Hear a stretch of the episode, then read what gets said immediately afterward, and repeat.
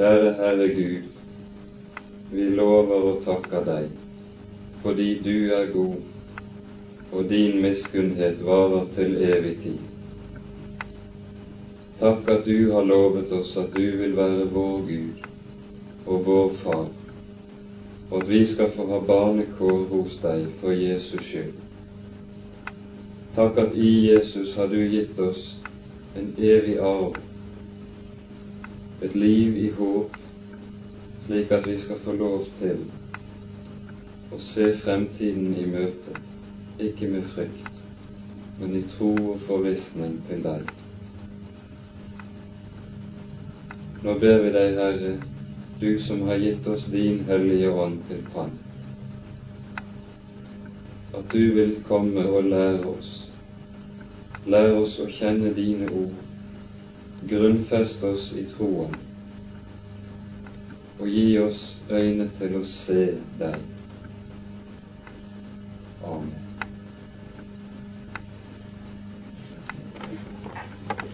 Forrige gang avsluttet vi med det nest siste avsnittet i 15. kapittelet i første Korinterbrev, der apostelen taler om det som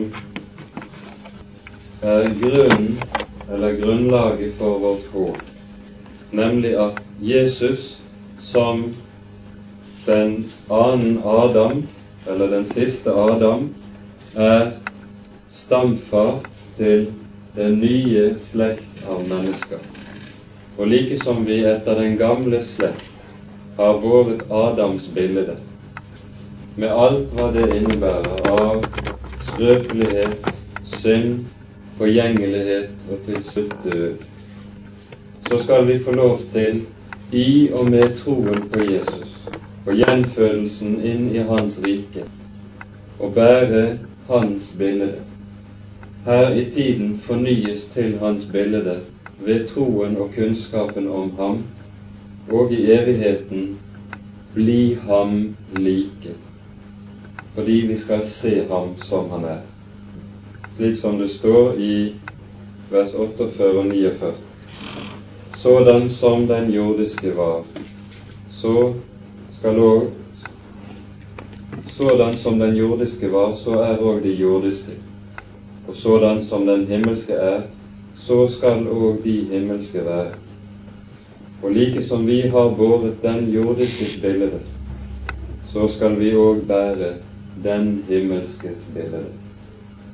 Og her kalles Jesus for den himmelske av en helt bestemt grunn, nemlig den at han i Johannesevangeliet taler om seg selv til forskjell fra alle andre mennesker som stammer fra Adam. Der sier han i 8.23.: Dere er nedenfra, jeg er ovenfra.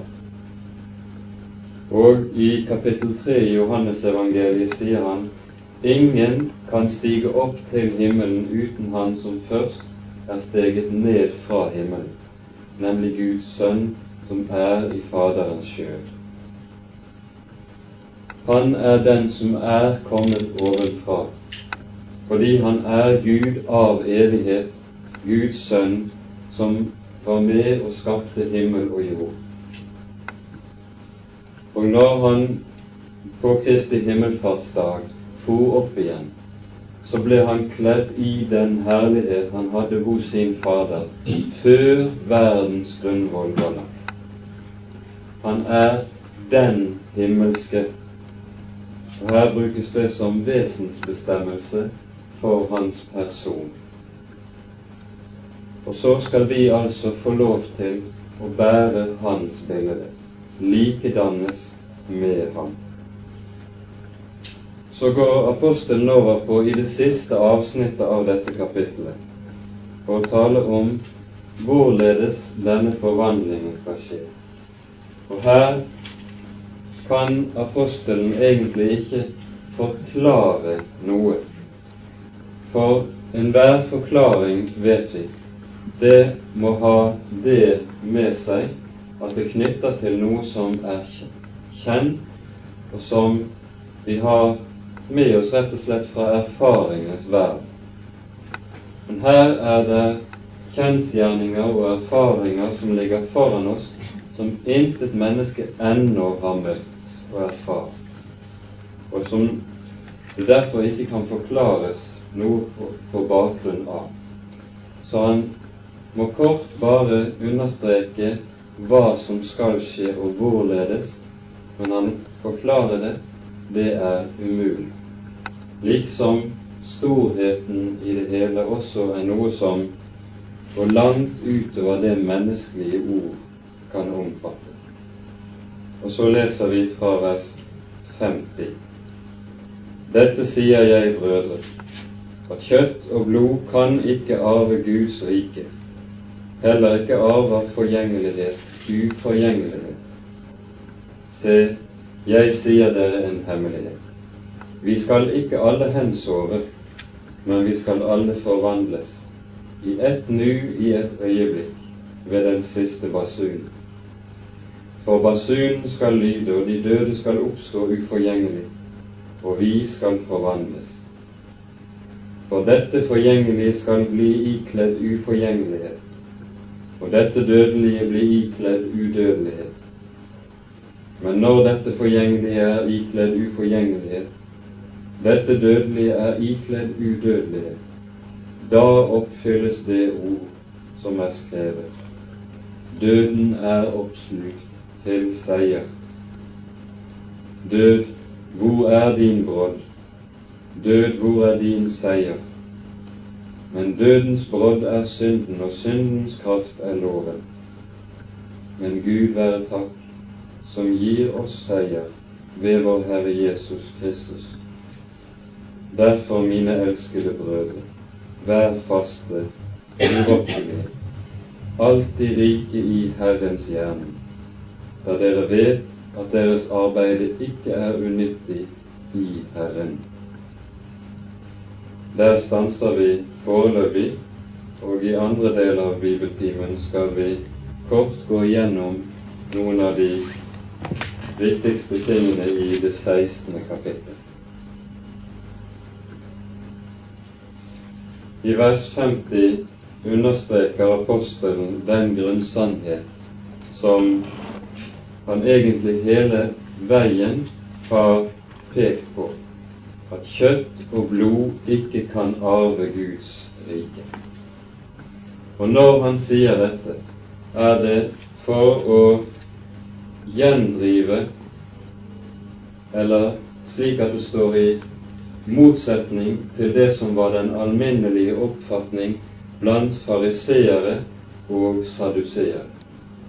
De talte nemlig også om oppstandelsen, men da i den forstand at vi skulle oppstå på samme måten som vi er nå, med kjøtt og blod og legemer som er tilsvarende de vi har nå. Slik lærte fariseeren, men slik lærer ikke Jesus og Det nye testamentet oss. Denne forgjengelige natur og materie som er slik, det er noe som tilhører denne verden og denne skapning. Det tilhører ikke evighet. Og slik står jo også Bibelens undervisning i den skarpeste motsetning til det som er den vanlige materialistiske oppfatning av verden også hvor man jo taler om at materien er det som er evig. Den har eksistert i milliarder på milliarder av år, som egentlig ikke er annet enn uttrykk for evighet. Men her sies det ifølge Det nye testamentet uttrykket at skapningen har sin begrensede tid. Den har sin begynnelse, blitt til av intet ved den evige Guds ord og den har etter sin forgjengelighet også sin avslutning. Da Gud, da den siste basun lyder og enden kommer, for da skal det fremtre en ny skapning, en ny himmel og en ny jord, står det, men som er bærer av en helt og grunnleggende annen kvalitet og natur enn den fysiske verden som vi i dag har omkring oss og kan se. for uforgjengelighet, evighet og udødelighet. Det er alle begreper som er umulig å forestille seg i forbindelse med denne materielle verden som vi kjenner. Så fortsetter apostelen og sier Se, jeg sier dere en hemmelighet. Vi skal ikke alle hensove, men vi skal alle forvandles i ett nå, i et øyeblikk, ved den siste basun. Her er det altså tale om noe av den åpenbaringssannhet som er gitt apostelen ved hans kjennskap til Jesus og møte med den oppstanden. Det er en hemmelighet, sier han. Vi skal ikke hensove alle. De som lever den dagen den Herre Jesus kommer tilbake, de skal ikke dø, men de skal forvandles i ett nu og i et øyeblikk, sier han. Og legger altså vekt på det plutselige det bråe i overgangen. Her er det ikke tale om en gradvis utvikling, men det er noe som skjer brått og i et øyeblikk, ved den siste basunen. Og denne basunen som det er tale om her, det husker dere gjerne, det er noe som omtales i alle sammenhenger i Bibelen hvor det taler om endens tid den siste dag eller Herrens komme. Eksempel omtaler Jesus det i sin store tale om de siste ting i Matteus 24 i det 31. verset. Og I Johannes' åpenbaring i det 8. til 11. kapittel tales det om syv basuner som lyder, som hver for seg så å si avdekker ulike stadier i denne verdens forråtnelsesprosess, inntil den siste basun lyder, som det står ved slutten av kapittel 11, og Kristus kommer og tar riket. Da skal den store forvandlingen inntre. Og Denne basunen er altså knyttet til Herrens dag. Billedlig har vi tale om dette i Det gamle testamentet ved Israels inntog i Kanans land. Da var det jo slik at Det er jo også slik i bibelsk billedbruk at det å gå over Jordan og inn i Kanan, det er bildet på å nå målet i det evige Guds rike. Slik var det også da Israel gikk over Jordan og skulle begynne å innta det lovede land. Så skulle de først gå omkring Jeriko. De skulle ikke stride, de skulle ikke kjempe, de skulle ikke ha våpen i hånd. Men de skulle gå omkring byen og blåse i basun. Og den siste, den syvende dagen de gikk omkring byen og blåste i basun siste gang, da falt murene, og de gikk inn. Byen falt ikke for menneskers hånd, men for Guds hånd. Og slik blir denne inngang i Kana bildet på hvorledes den gamle verden faller ved den siste basun. Og Guds folk får en seier gitt av Gud. Så kan de gå inn i det lovede land, fordi Herren har stridd, og de har vært stille. Basunen skal lyde, og de døde skal oppstå uforgjengelig, og vi skal forvandles. Her er det tale om forvandlingen, som omtales litt mer utførlig i 1. Tessalonika-brevs fjerde kapittel. Og det tror jeg vi skal ta oss tid til å lese. I det fjerde kapittelet fra vers 13 av.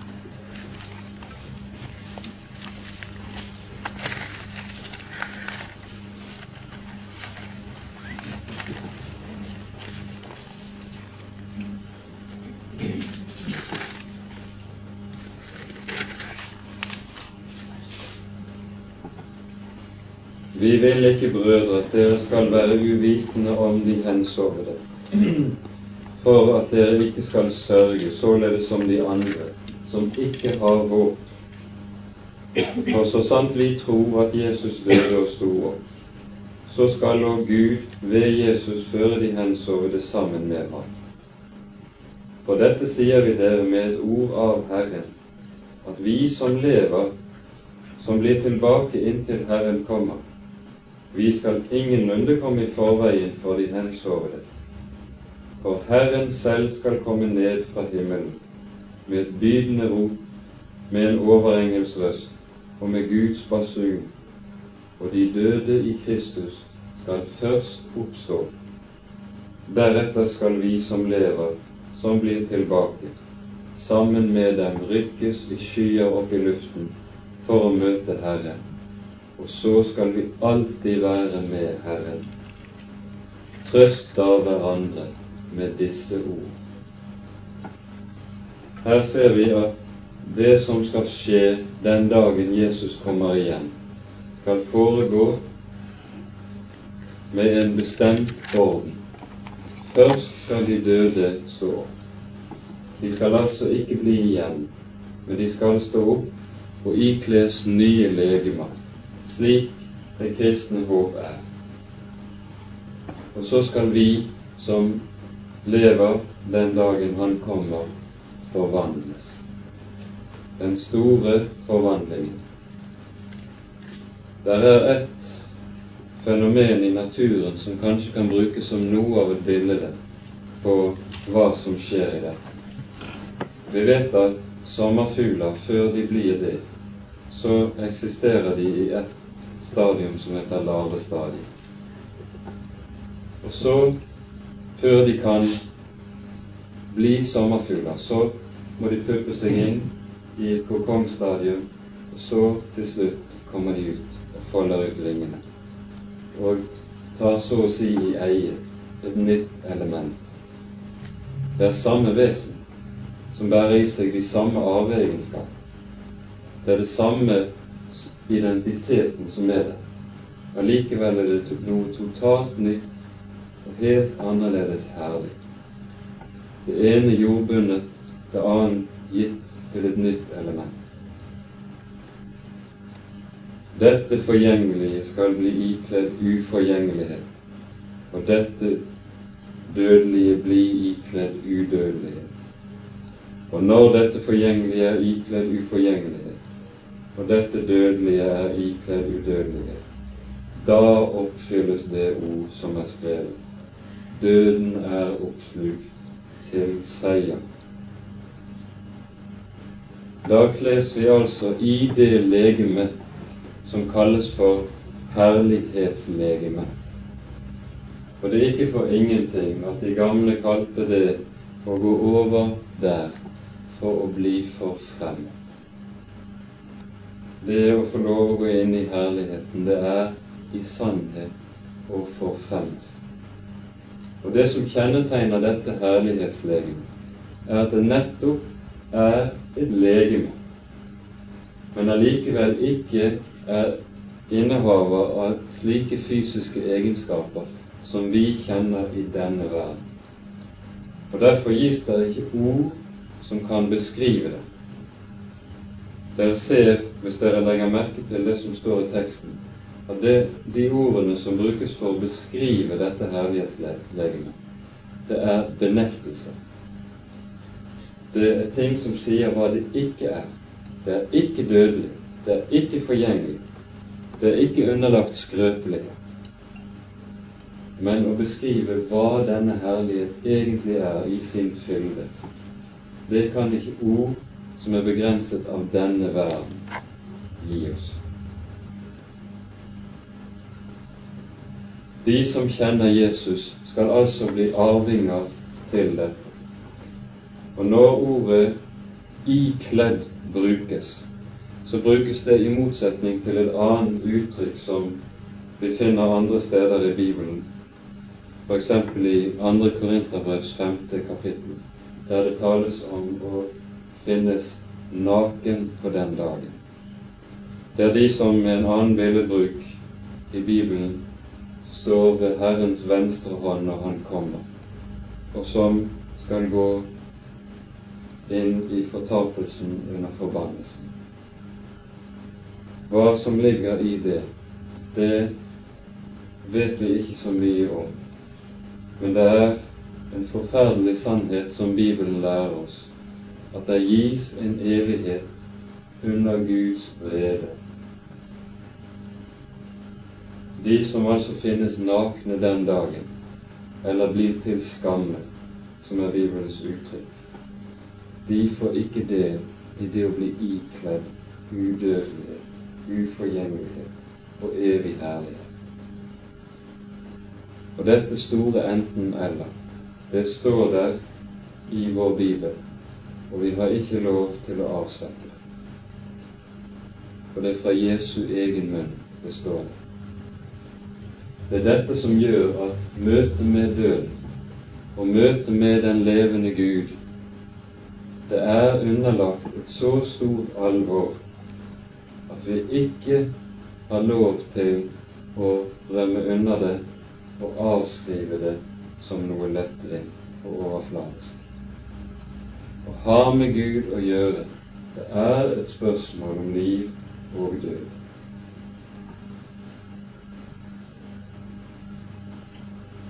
Men denne dagen som står her, denne siden ved det, er Paulus ikke opptatt med. Her taler han om vår arv som hører Jesus til, og som kjenner ham. Døden er oppslukt til seier. Og Her skal vi legge merke til at dette er en underlig måte å si det på. Rett nok er det slik at her er det et sitat fra Det gamle testamentet, Isaias 25. kapittel. Men det som vi skulle vente var uttrykt, var jo at døden er nå beseiret. Men det står ikke. Det står at døden er oppslukt til seier. Hva betyr det?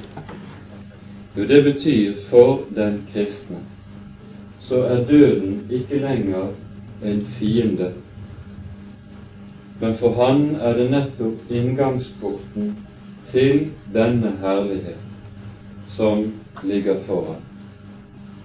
For meg er livet Kristus og døden en vinning, sier Paulus i Filippabrevets første kapittel. Og det er noe av det som ligger i det. Selve døden, som etter syndefallet er en fiende som vi alle kan skjelve for. Nå dette snus opp ned, slik at fienden blir den som er med og bringer seier. For ved døden avkles jeg alt dette gamle som har heftet ved meg i denne verden, både det støpelige og forgjengelige legeme, og ikke minst synden, som henger så fast ved oss. Den dagen ligger alt det bak meg døden er oppslukt til seier i den meningen av ordet. Død, hvor er din brodd? Død, hvor er din seier? Det gis ikke lenger. Men dødens brodd er synden, og syndens kraft er loven. Men Gud være takk som gir oss seier ved vår Herre Jesus Kristus. Her stilles mot hverandre de to store motsetninger. På den ene siden i vers 56 dødens brodd. Uttrykket som brukes der, det kan bety brukes f.eks.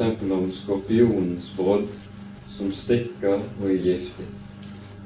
Eller den kan brukes om den piggen som man brukte i oldtiden når man skulle drive okser fremover, så hadde man en lang stav med en skarp pigg på for å drive oksen.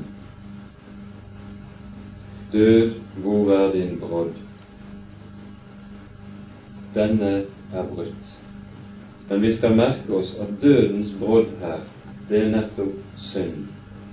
Og så griper apostelen nettopp når han har enden og fullendelsen for øyet tilbake til begynnelsen. Noe som er helt karakteristisk for den bibelske undervisningen, fordi begynnelsen og fullendelsen nettopp hører sammen og belyser hverandre. Dødens brodd er synden. Det innebærer jo at det nettopp er synden som er dødens årsak. Ved den kom døden inn i verden. Ved den fikk vi den gift i blodet som gjør at alle våre dager er dager på vei mot døden. Og syndens kraft er loven, sier han i fortsettelsen. Hva innebærer det? I det ligger det en dobbelt bunn. For det første ligger kraften til synden nett. Den er hentet fra loven i den mening at fullbyrdelsen av dommen, syndens lønn, det er død. Slik Gud sier det uttrykkelig allerede før syndefallet. Dersom dere eter av treet, skal dere visselig dø. På hebraisk står det egentlig skal dere døden dø. Det er den sterkeste måten noe kan sies på i det hebraiske språk. Og der gir altså Gud det som er grunntrekket i loven, nemlig at loven sier dersom du faller, dersom du ikke gjør dette, da skal du dø. Men det andre som ligger i at syndens kraft er loven, det er dette at loven er noe som fariseerne jo tenkte var gitt menneskene som det som skulle hjelpe oss til å bli fri fra synd. Ved å ta seg sammen, ta Guds lov riktig på alvor, da skulle mennesket få hjelp til å fri seg fra syndens makt, og dermed også kunne fortjene evig liv, fortjene å gå fri fra døden. Det var den fariseiske lære og tenkning. Men i Det nye testamentet er det jo stikk motsatt. Der er det ikke slik at synd, syndens brodd brytes av ved hjelp av lov. Det er ikke slik at synden mister sin makt, bare loven riktig får makt i hjertet. Det er tvert om slik at jo større makt loven får i et menneskes liv, jo større makt får synden og slik at Paulus kan si i Romerbrevet 7, 7. kapittel at begjærligheten rett og slett vekkes ved lovens bud. Syndens kraft er loven. Det sies også i den mening. Og så må en sette opp motsetningen i det neste verset. Men Gud være takk, som gir oss seier ved vår Herre Jesus Kristus. Seieren over synden ligger ikke i loven, men i Jesus, i evangeliet om ham og hans gjerning, som han fullbrakte for oss. Og likeledes ligger seieren over dødens makt i ham, og som noe som tilhører evangeliet. Og Derfor sier han helt konsekvent i avslutningen av dette kapittelet. Derfor, mine elskede brødre, vær faste og urokkelige, alltid rike i Herrens gjerning, der dere vet at deres arbeid ikke er unyttig i Herren. Hva er det de skal være faste og urokkelige og rike i? Ikke i sine egne gjerninger de gjerninger de skal gjøre for Herren. Jo slik man vanligvis leser disse versene. Men det er tvert om det de skal være rike i. Det er Herrens gjerning. Det Jesus har gjort og fullbrakt. Det er det som skal stå for øyet på menigheten. Gud være takk som gir oss seier ved vår Herre Jesus Kristus. Det er just dette apostelen gang på gang ber om for menigheten. Vi kan se både i Feserbrevet Kolosserbrevet og de andre brevene når han ber for menighetene. Hva ber han om da? Han ber om at de skal få øye til å se hvor rike de er i Herren. Hvor usigelig stort Hans verk er. Hvor stor Hans makt er for oss som tror. Det er der rikdommen ligger ikke i oss selv eller det vi gjør. Og Nettopp dette henger igjen sammen med det som var lovens innebyrd. For hva sa loven? Ifølge Mosebøkene så sier loven dersom du gjør dette, nemlig som budene krever, da skal du leve. Hvem har gjort dette? Det er intet menneske uten Guds sønn. Han har gjort det. Derfor har han rett til livet etter Guds egen lov. Gud har jo sagt at denne lov skal i evighet ikke få gå. Derfor kunne døden ikke holde på Guds sønn.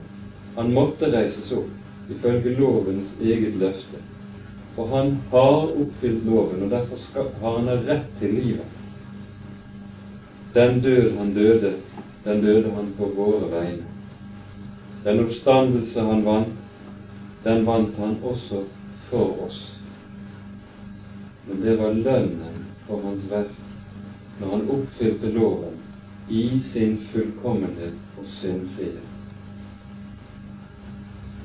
Han har gjort det og fått leve. Og så har han altså vunnet livet det evige, og tronen ved Faderens høyre hånd som en evig rettighet som han har krav på ifølge Guds egen lov. Og denne rettighet har han nettopp ikke vunnet for sin egen del. Det er en rett som tilhører deg og meg, vunnet i kraft av Jesu lydighet. Han for når han ble reist opp, så var det jo som menneske. Fordi det var som menneske han oppfylte loven. Det var som menneske han var lydig etter alle dens krav. Og så er det altså som menneske han får livet og opphøyes til Faderens høyre hånd. Og slik er det han gir oss det samme som vår rett for han har gitt oss den rett at vi skal eie Hans lønn. Det var nemlig ikke for sin egen del han kom. Derfor, mine elskede brødre, vær faste og urokkelige, alltid rike i Herrens gjerning. Og så kommer fortsettelsen, da dere vet at deres arbeide ikke er unyttig i Herren. For vi nemlig lov til å ha Han for øye slik at Hans gjerning er vår rikdom. Da blir det også slik at vårt arbeide ikke blir unyttig. Da er det nemlig Han som også gjør det som gjøres gjennom oss. Det er ikke vi. Etter ordet i Salme 127 dersom ikke Herren bygger byen, arbeider vi forgjeves som bygger. Det er han, når han, hans gjerning er blitt hjertets skatt.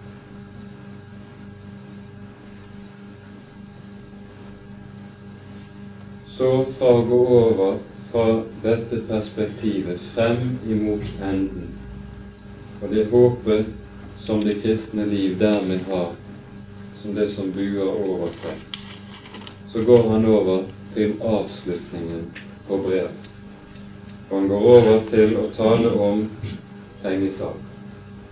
For oss kan det kanskje virke trivielt. Men en slik overgang er ikke unaturlig og heller ikke tilfeldig i Guds ord. For Jesus har selv sagt i bergprekenen disse ordene at samle dere ikke skatter på jorden, der møll og rusk er, men samle dere skatter i himmelen, hvor rust ikke tærer, og tyver ikke bryter inn. og hvor deres hjerte er, hvor deres skatt er, der vil også deres hjerte være. Og slik er det en forunderlig sammenheng mell, nettopp mellom forholdet til økonomi og penger og forholdet til det kristne håp. De to kan ikke ses løsrevet fra hverandre. Og Dermed går vi inn på det avsluttende kapittelet. Og vi leser fra vers 1. Men vedkommende innsamlingen til de hellige, da skal dere gjøre således som jeg har ordnet det for menigheten i Galatia. For hver første dag i uken legge enhver av dere hjemme hos seg selv til side, det han får lykke til, for at innsamlingen ikke skal skje først når jeg kommer. Når jeg så er kommet, skal jeg sende dem som dere selv velger med brev, for å føre deres kjærlighetsgave til Jerusalem. Men er det verd at jeg selv reiser, skal de reise i følge med meg. Jeg kommer til dere når jeg har reist igjennom Makedonia, for Makedonia reiser jeg igjennom. Men hos dere blir jeg kan hende noen tid, eller endog vinter over for at jeg kan få følge av dere dit jeg siden skal reise. For jeg tenker ikke å se dere nå på gjennomreisen, for jeg håper å bli noen tid hos dere, om Herren tillater det. I Efesus blir jeg inntil pinsen, for en stor og virksom dør er opplagt for meg, og det er mange motstandere. Når Timotius kommer, da se til at han kan være hos dere uten frykt. For han gjør Herrens gjerning like som jeg. Ingen må derfor ringe akte ham, og følg ham på vei i fred, for at han kan komme til meg, for jeg venter på ham med brødrene. Vedkommende broderen Apollos, da ba jeg ham meget at han skulle fare til dere sammen med brødrene men han var aldeles ikke villig til å komme nå. Men han vil komme når han får tid. Vær årvåkne, stå fast i troen, vær mandige og vær sterke. La alt hos dere skje i kjærlighet. Jeg formaner dere brødre. Dere kjenner Stefanas hus, at det er førstegrøden av Akaia, og at de har stilt seg til tjeneste for de hellige. Vis òg dere ærbødighet mot dem, og mot enhver som hjelper til å gjøre seg møye.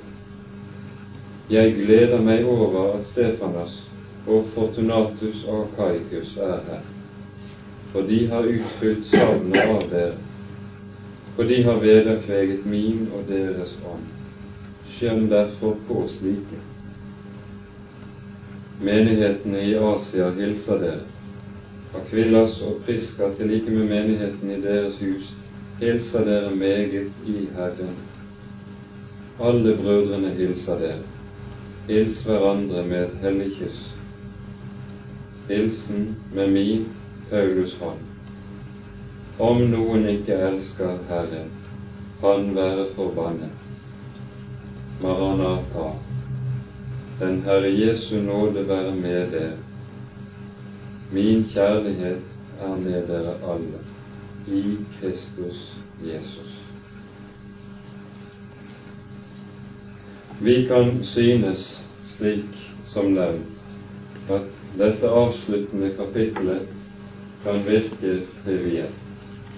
Det er liksom ikke de store sannhetene og de store vyene som males for øynene på oss, slik som i kapitlene som ligger foran, og som vi har gått igjen. Men allikevel så får vi her glimt inn i noe av det som var den kristne hverdag. Og vi kan godt si at Korinterbrevets 12. og 13. kapittel, hvor det taler om legeme, hvorledes det føyes sammen av Herren ved Den hellige ånd, og det 13. kapittel om den kjærlighet som kjennetegner Kristi legeme og dets lemmer, deres innbyrdes forhold til hverandre. Nettopp dette, hvordan dette gir seg praktisk, enkelt og konkret utslag, det ser vi her i avslutningskapittelet. Hvor inderlig Paulus hører sammen med menigheten, og hvordan menigheten, den ene menighet, hører sammen med de andre. De er bundet sammen med bånd gitt av Herren selv. Og Det er nettopp dette som er bakgrunnen for talen i de første versene i dette kapittelet om innsamlingen. Det er innsamling til de hellige, står Her sikter Paulus til den kristne menighet i Jerusalem og Judea. For de kristne i Palestina, de ble meget nød. De var både hardt trengt og forfulgt, og det var slik at den som var kristen, ble utestengt ikke bare fra synagogen og dermed det religiøse liv i Israel, men han ble også utestengt fra alt sosialt liv. Han fikk ikke lov til å selge varer fordi både fordi han ikke hørte med i det gode selskap, og fordi en rettroende jøde mente det kunne være fare for at varene var urene. Slik kunne han verken kjøpe eller selge, og sto dermed utenfor alt. Så de kristne i Palestina lev mye.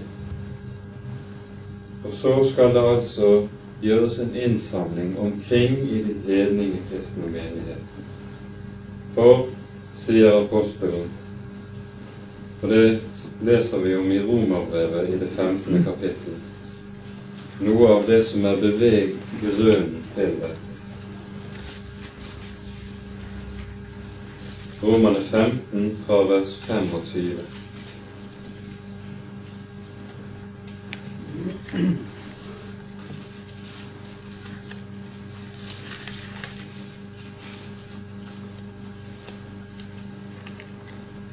Nå drar jeg til Jerusalem i de helliges tjeneste. For Makedonia og Akaya har villet gjøre et sammenskudd for de fattige blant de hellige i Jerusalem. De har så villet, og de står også i gjeld til dem. For har hedningene fått del i deres åndelige goder, da er de også skyldige til å tjene dem med de timelige. Når jeg da har fullført dette og lagt denne frukt i deres hender, vil jeg dra derfra gjennom deres by til Spania. Her ser vi at romerbrevet ble skrevet når Paulus endelig kom til Korint på vinteren. Nå ble vinteren over der, slik som han skrev at han håpet han kunne, dersom Herren ville. Romerbrevet skrives altså derfra. Og når han nå skriver, er innsamlingen ferdig. Han står klar til å dra videre sammen med et følge fra menighetene i Akaya og Makedonia. Makedonia var jo det nordlige Grekenland, og Kaia betegner det øvrige greske fastland.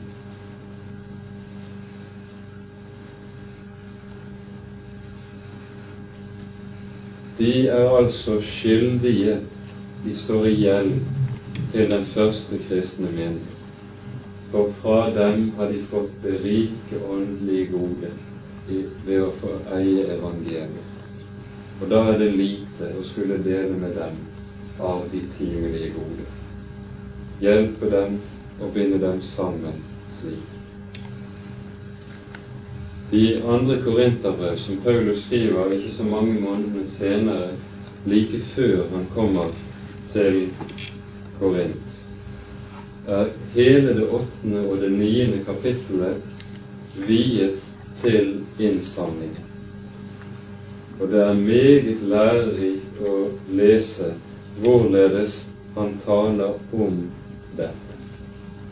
Det som er den grunnleggende bakgrunnen for formaningen om å gi, det er det som står i 2. Korinterbrev 8-9. Dere kjenner vår Herre Jesu Kristi nåde, at Han da han var rik, ble fattig, for at dere ved hans fattigdom skulle bli rike. Og Derfor sier han også uttrykkelig i verset forut at oppfordringen til å gi er ikke noe som kommer som et bud og et påbud til menigheten. Men den sanne kristne giverglede, den kommer som noe som springer frem av takknemlighet for evangeliet. Har jeg fått alt dette av ham, da tilhører alt mitt han også. Da behøver jeg ikke ha noe for meg selv lenger. Det rare er at denne gave som de kristne slik gir, fra Korint og fra Makedonia gjør, det er en gave som ikke er gitt av overflod. Rett nok hadde de mer å rutte med enn menigheten i Palestina.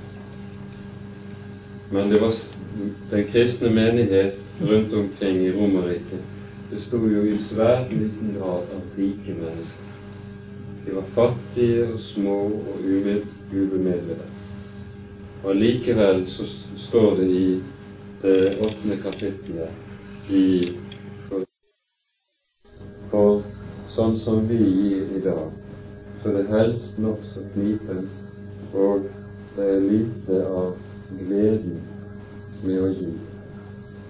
Det kommer av og henger sammen med at mye av det som er av tale om å gi, er slikt som grunnes i mas i stedet for at det er grunnet i evangeliet.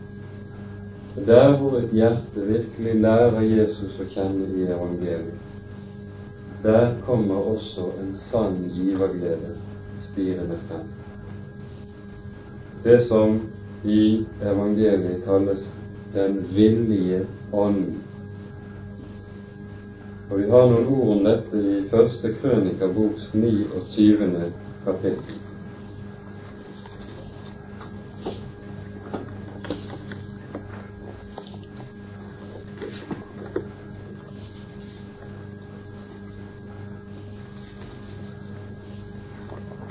Her er situasjonen den at David, som av Gud ble forhindret fra å påbegynne byggingen av tempelet, det skulle hans sønn Salomo gjøre. Før sin død så samler han inn midler til byggingen av tempelet. Og folket kommer og gir med en rik og villig ånd. Det står i vers 6. Da kom de med de med gaver, både familienes overhoder og Israels stammehøvdinger, og høvedsmenn over tusen og over hundre, og oppsynsmenn. Og så regnes det opp. Og så står det i vers 9 og folket gledet seg over at de ga så villig, for med udelt hjerte ga de frivillig sine gaver til Herren. Kong David gledet seg også stort. Og så synger David en herlig lovsang, for han takker Gud for denne Guds gjerning i folket og med folkets hjerte. For vi vet at denne giverglede som ga seg til kjenne under Davids liv, det har sin bakgrunn i den åndelige vekkelse som begynte med profeten Samuel, og som fortsatte utover gjennom Davids kongetid.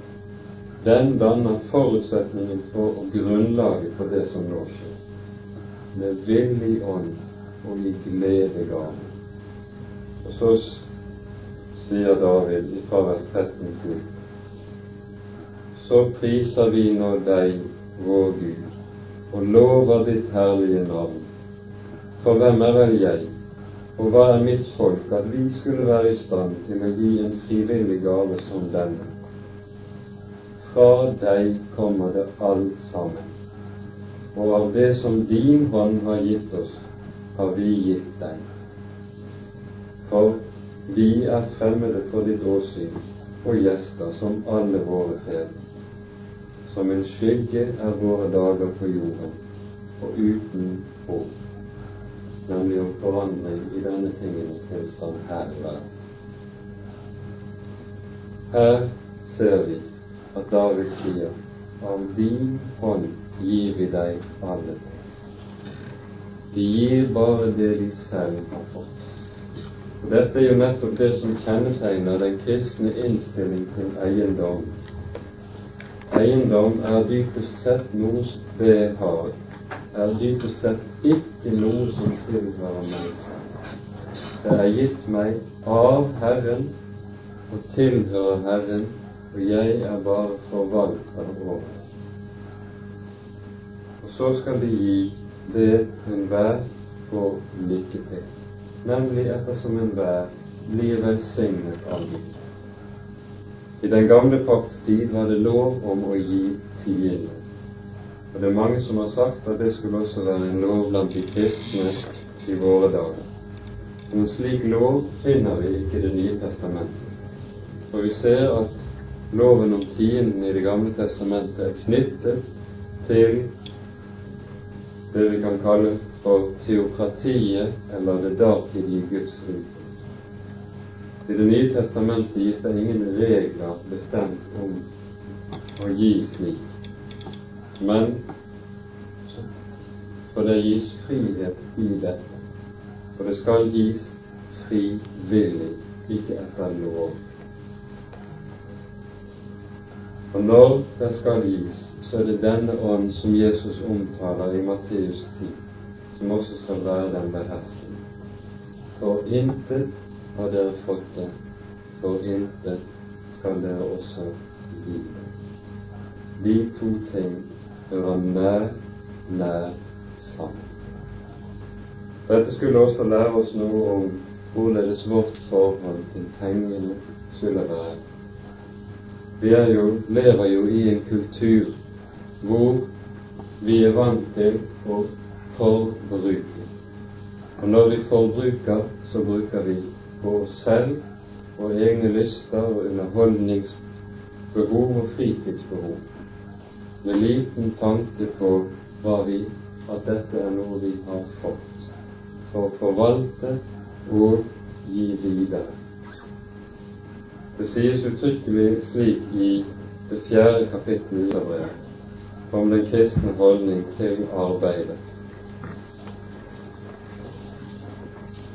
Efeserne 4, 28.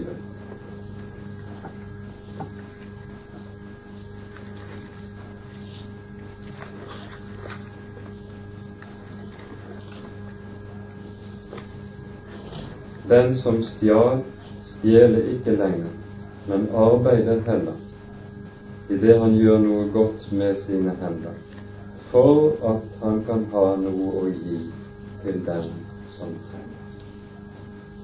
Det er noe av hovedhensikten med arbeid. Jeg skal ikke altså tjene for meg selv og mitt eget, og mammon skal ikke brukes som et hjelpemiddel, slik at jeg skal kunne søke mitt eget i enda sterkere grad enn jeg ville gjort dersom jeg hadde lite av mamma. Tvert om, enten jeg har mye eller lite av mamma, så skal jeg ingen, under ingen av omstendighetene søke mitt eget, men søke det som hører ham til og å leve for Guds ansikt med sin økonomi slik. Til det kreves det mye nåde. Jeg tror vi kan trenge å besinne oss noen enhver i dette stykket. Paulus kommer også med praktiske forskrifter for hvorledes det hele kan skje. Vi skal gjøre et sammenskudd hver første dag i uken, altså på Herrens dag, på søndag. Og så skal de, når han kommer, sende med en representant så, som skal følge gaven til Jerusalem. Slik er det, og slik måtte det vel også være, fordi Paulus var meget, meget ømskinnet når det gjaldt forhold til det økonomiske ting. Det skulle ikke kunne sies om ham at han tjente som apostel til egen vinning, og økonomisk utbytte av det. Så Derfor sier han uttrykkelig at selv om han hadde rett til å oppebære livsopphold fra menigheten, så gjorde han det aldri.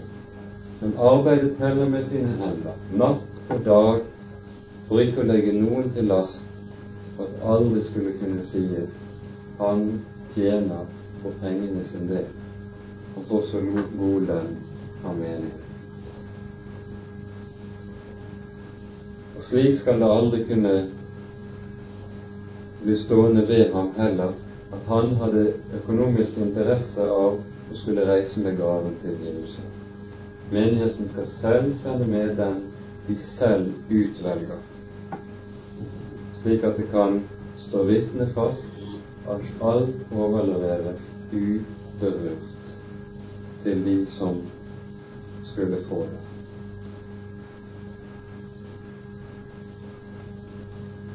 Når Paulus sier dette, så sier han også i 2. Korinterbrev i det 9. kapittel at slik er det nødvendig for evangeliets skyld å leve tekkelig ikke bare for Gud, men også for mennesker, nemlig for at tjenesten ikke skulle bli last. Så går apostelen over til å tale litt mer om sine reiseplaner, både om sine egne og om Apollos. Og vi ser at det er et om Herren vil i alt dette. Hadde apostelen visst de besværligheter disse korte bemerkningene om reisen ville holde ham, så hadde han kanskje ikke skrevet det han skrev.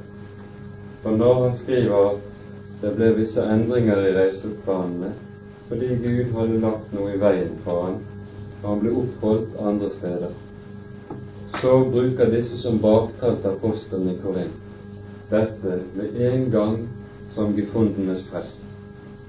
Her ser vi hvor vankelmodig han er. Han er aldri til å stole på. Han sier kanskje her, og så sier han ja der og mener nei, og omvendt. Og to kapitler i andre Korinterbrev er viet noe av denne baktalelse som Paulus ble gjenstand for bare fordi han satte sin vei i Herrens hånd. I Efesus blir jeg inntil pinse. For en stor og virksom dør er opplatt for meg, og det er mange motstandere. Dette ordet har vi vært inne på før, og vi ser det paradokset som ligger gjemt i det. Vi ville umiddelbart tenke slik at når det er mange motstandere, så måtte nå døren for evangeliet være sterk. Men han sier det nøyaktig motsatt. Når det er mange motstandere, så er nettopp det kjennetegn på at døren er åpen for evangeliet. Da er det nemlig slik at Han som er Herre, selv har åpnet døren for forkynnelsen, slik at ordet åpenbares klart og tydelig. Og hva skjer når Guds ord åpenbares? klart og tydelig. Da skjer det som gamle Simeon sang og talte til Maria da hun var Jesus barnet til henne. Se, sier han, denne er satt til fall og til oppreisning for mange i Israel. Klippen, grunnfjellet Jesus, avdekkes og åpenbares. Og så blir det et vannskinn. det må bli motstand der evangeliet forkynnes klart. Og så er det noen som nettopp da finner livet og uforgjengeligheten fordi de suger næring av ord. Men nettopp det skillet og den kilen, et kjennetegn ved evangeliet, at det driver den inn imellom menneskene. Og Derfor sa jo også Jesus klart og tydelig når han talte om sin sendelse til verden dere må ikke tro at jeg er kommet for å sende fred. Nei, ikke fred, men sverd. Og en mann og hans hus skal stå imot hverandre, to mot tre og tre mot to. Fedre skal hates av sine barn og unger. Slik skal det bli for evangeliets skyld. Det er en opplagt dør og mange motstandere. Det vi også skal merke oss, at denne makt til å lukke opp dør for evangeliet, det er noe som ikke ligger selvsagt til for noen, ikke engang for apostelen. Det er en makt som er knyttet til Guds sønn alene. Når han talte i misjonsbefalingen, så sa han meg er gitt all makt i himmel og jord. Gå derfor ut. I det ligger det at det er Jesus som har makten til å føre evangeliet frem. Det er en oppgave som er umulig for mennesker. Og Det ser vi også kjennetegner apostelen Paulus selv og alle de andre. De var selv små svake og hjelpeløse. Og hadde det ikke vært slik at Jesus var den som hadde all makt, da kunne vi bare pakket sammen. Det er Han som også har makten og nøkkelen til å lukke opp døren for evangeliet på et sted til en tid, når og hvor Gud er. Derfor står det slik i passiv her i dette verset, som vi skal kan merke oss. En virksom dør er opplagt, nemlig av Herren selv. Er ikke Paulus som åpner døren. I sammenheng med talen om det fiendskap som møter evangeliet, går apostelen umiddelbart over til å tale om Timotius, hvorledes de skal ta imot ham når han kommer. Jeg husker gjerne at fra første Timotius brev tales det om til Timotius og apostelen sier, la ingen forakte deg for din ungdoms skyld. Han var ung, og han var vel av natur både forsatt og skrøpelig, og hørte ikke med til de sterke rensikes. La ingen forakte deg. Så må Paulus selv formane menigheten. Ringeakt ham, men holde ham høyt i ære, slik at han kan slippe å være hos menigheten i det fiendskap som verden møtte Guds ords forkynnere det skulle de kristne menighet ikke møte dem med. Ingen må derfor ringeakte ham.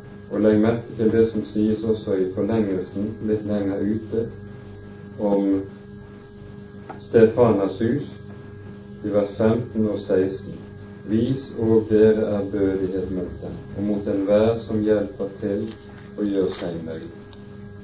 Det er gjerne slik at de som Herren har utrustet med sitt ord, gitt lys i evangeliet, med dem her følger det også gjerne en skrøpelighet, svakhet på ulike slags områder, som kan friste menneskene til å se ned på og se lavt på slike mennesker. For der evangeliet går frem, der fører det også sin egen fattigdom og ringhet med seg. Det gjaldt Jesu egen person, slik vi leser om det i evangeliet, men han hadde ikke det han kunne helle sitt hode til. Fattig var han og forlatt av mennesker, som en orm som ingen brød seg om. Og slik har det gjerne vært med hans apostler og de som har forkynt evangeliet.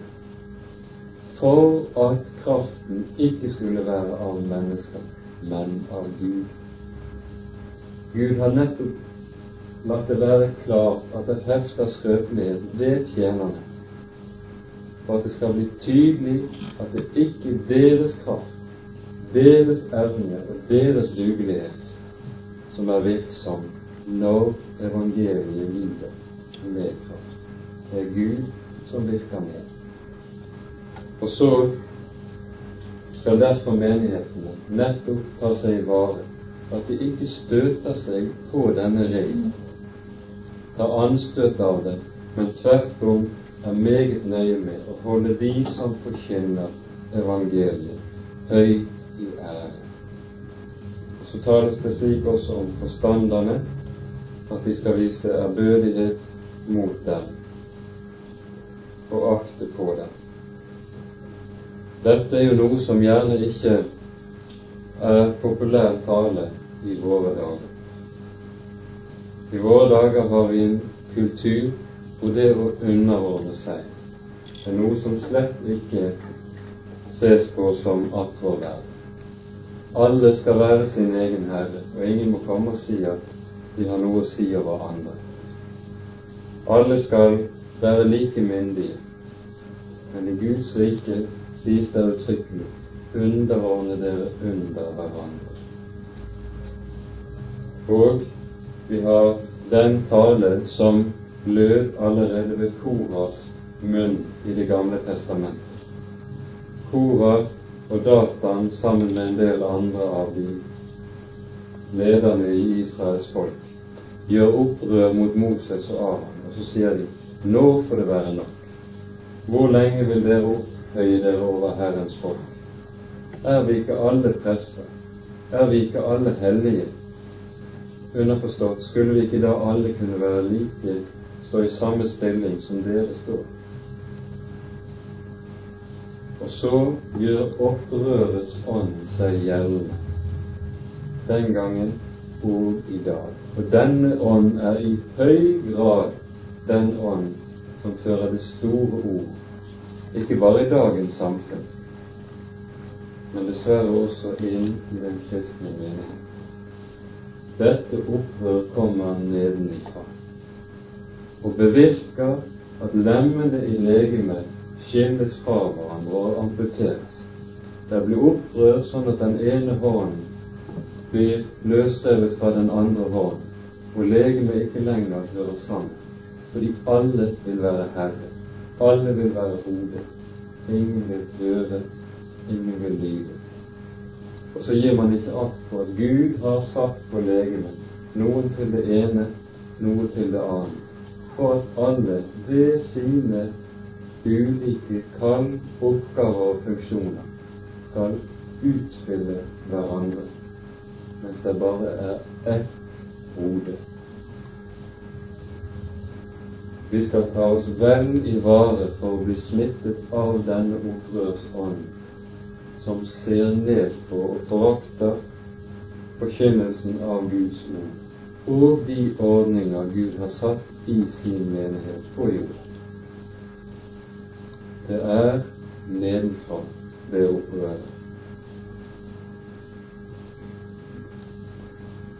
Nå rekker vi ikke å gå igjennom så mye mer, men la oss kort ta de siste versene i kapittelet. Han bringer en siste hilsen fra menigheten i Efesus, der han befinner seg når han skriver brevet, og så en hilsen med Paulus egen hånd. Brevet tidligere er skrevet av en av Paulus' medarbeidere som sekretær, som vi leser om i de første kapitlene. Men nå skriver han den siste avskjedsledelsen med sin egen hånd. Om noen ikke elsker Herren, han være forbannet. Det høres forferdelig ut at noe sånt skal stå i avskjedshilsen. Men det er den siste advarsel som gis til menigheten, om at det ene som alt avhenger av, både for den enkelte kristne og for menigheten, er at de kan stå i livssamfunn med Ham som er hodet. Og hvorledes gjør de det? Jo, ved troen på, ved å få lov til å grunnfestes i ordet om Ham. Dersom menigheten ikke gjør det, så drar de innover seg Guds egen forbannelse. Det er ikke slik at Paulus hevngjerrig ønsker forbannelse over noen, men det er slik at uvegerlig vil det mennesket som unndrar seg ordet i evangeliet, og dermed kutter forbindelsen til hodet, de vil dra forbannelsen innover livet sitt. Slik som det også sies i Galaterbrevet i det første kapittelet i en litt annen sammenheng. Dersom noen forkynner et annet evangelium enn det vi allerede har forkynt deg. han være forbannet. For dette er det store enten-eller som gjelder i møte med Gud. der er det enten forbannelse eller velsignelse. Maranata. Dette Maranata det er et ord som i den første kristne menighet gikk inn i bruken blant de hedningekristne fra hebraisk, akkurat som ordene amen og halleluja fortsatt er det. Og ordet kan etter sin eh, sammensetning bety to ting. Det betyr enten 'Herren er kommet', eller det kan bety, slik som det er mer trolig det betyr i vår sammenheng, 'Herren' eller 'Vår Herre kommer'.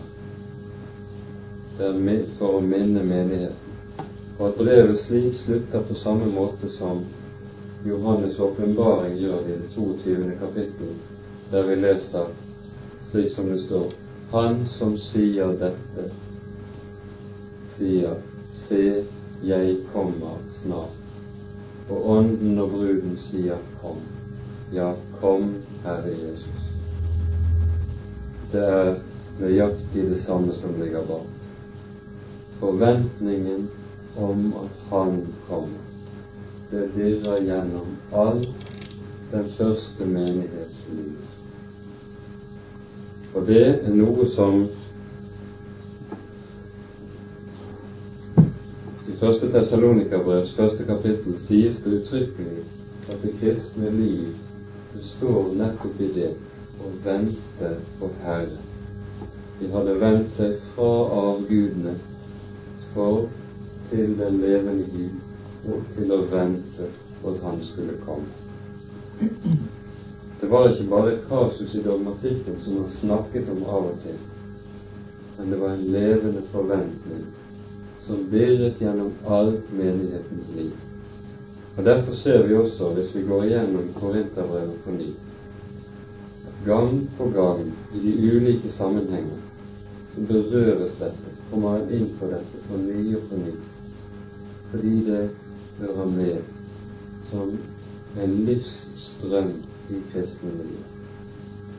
Kom, Herre Jesus, sa Ånden og bruden. Og på de premissene er det han også sier Den Herre Jesu nåde være med dere. Den lengselen etter å se Ham komme tilbake og få møte Ham, den skapes der hvor Jesu nåde er den livsluft som menigheten ånder i og av, og bare der. Med det tror jeg vi slutter av for i dag.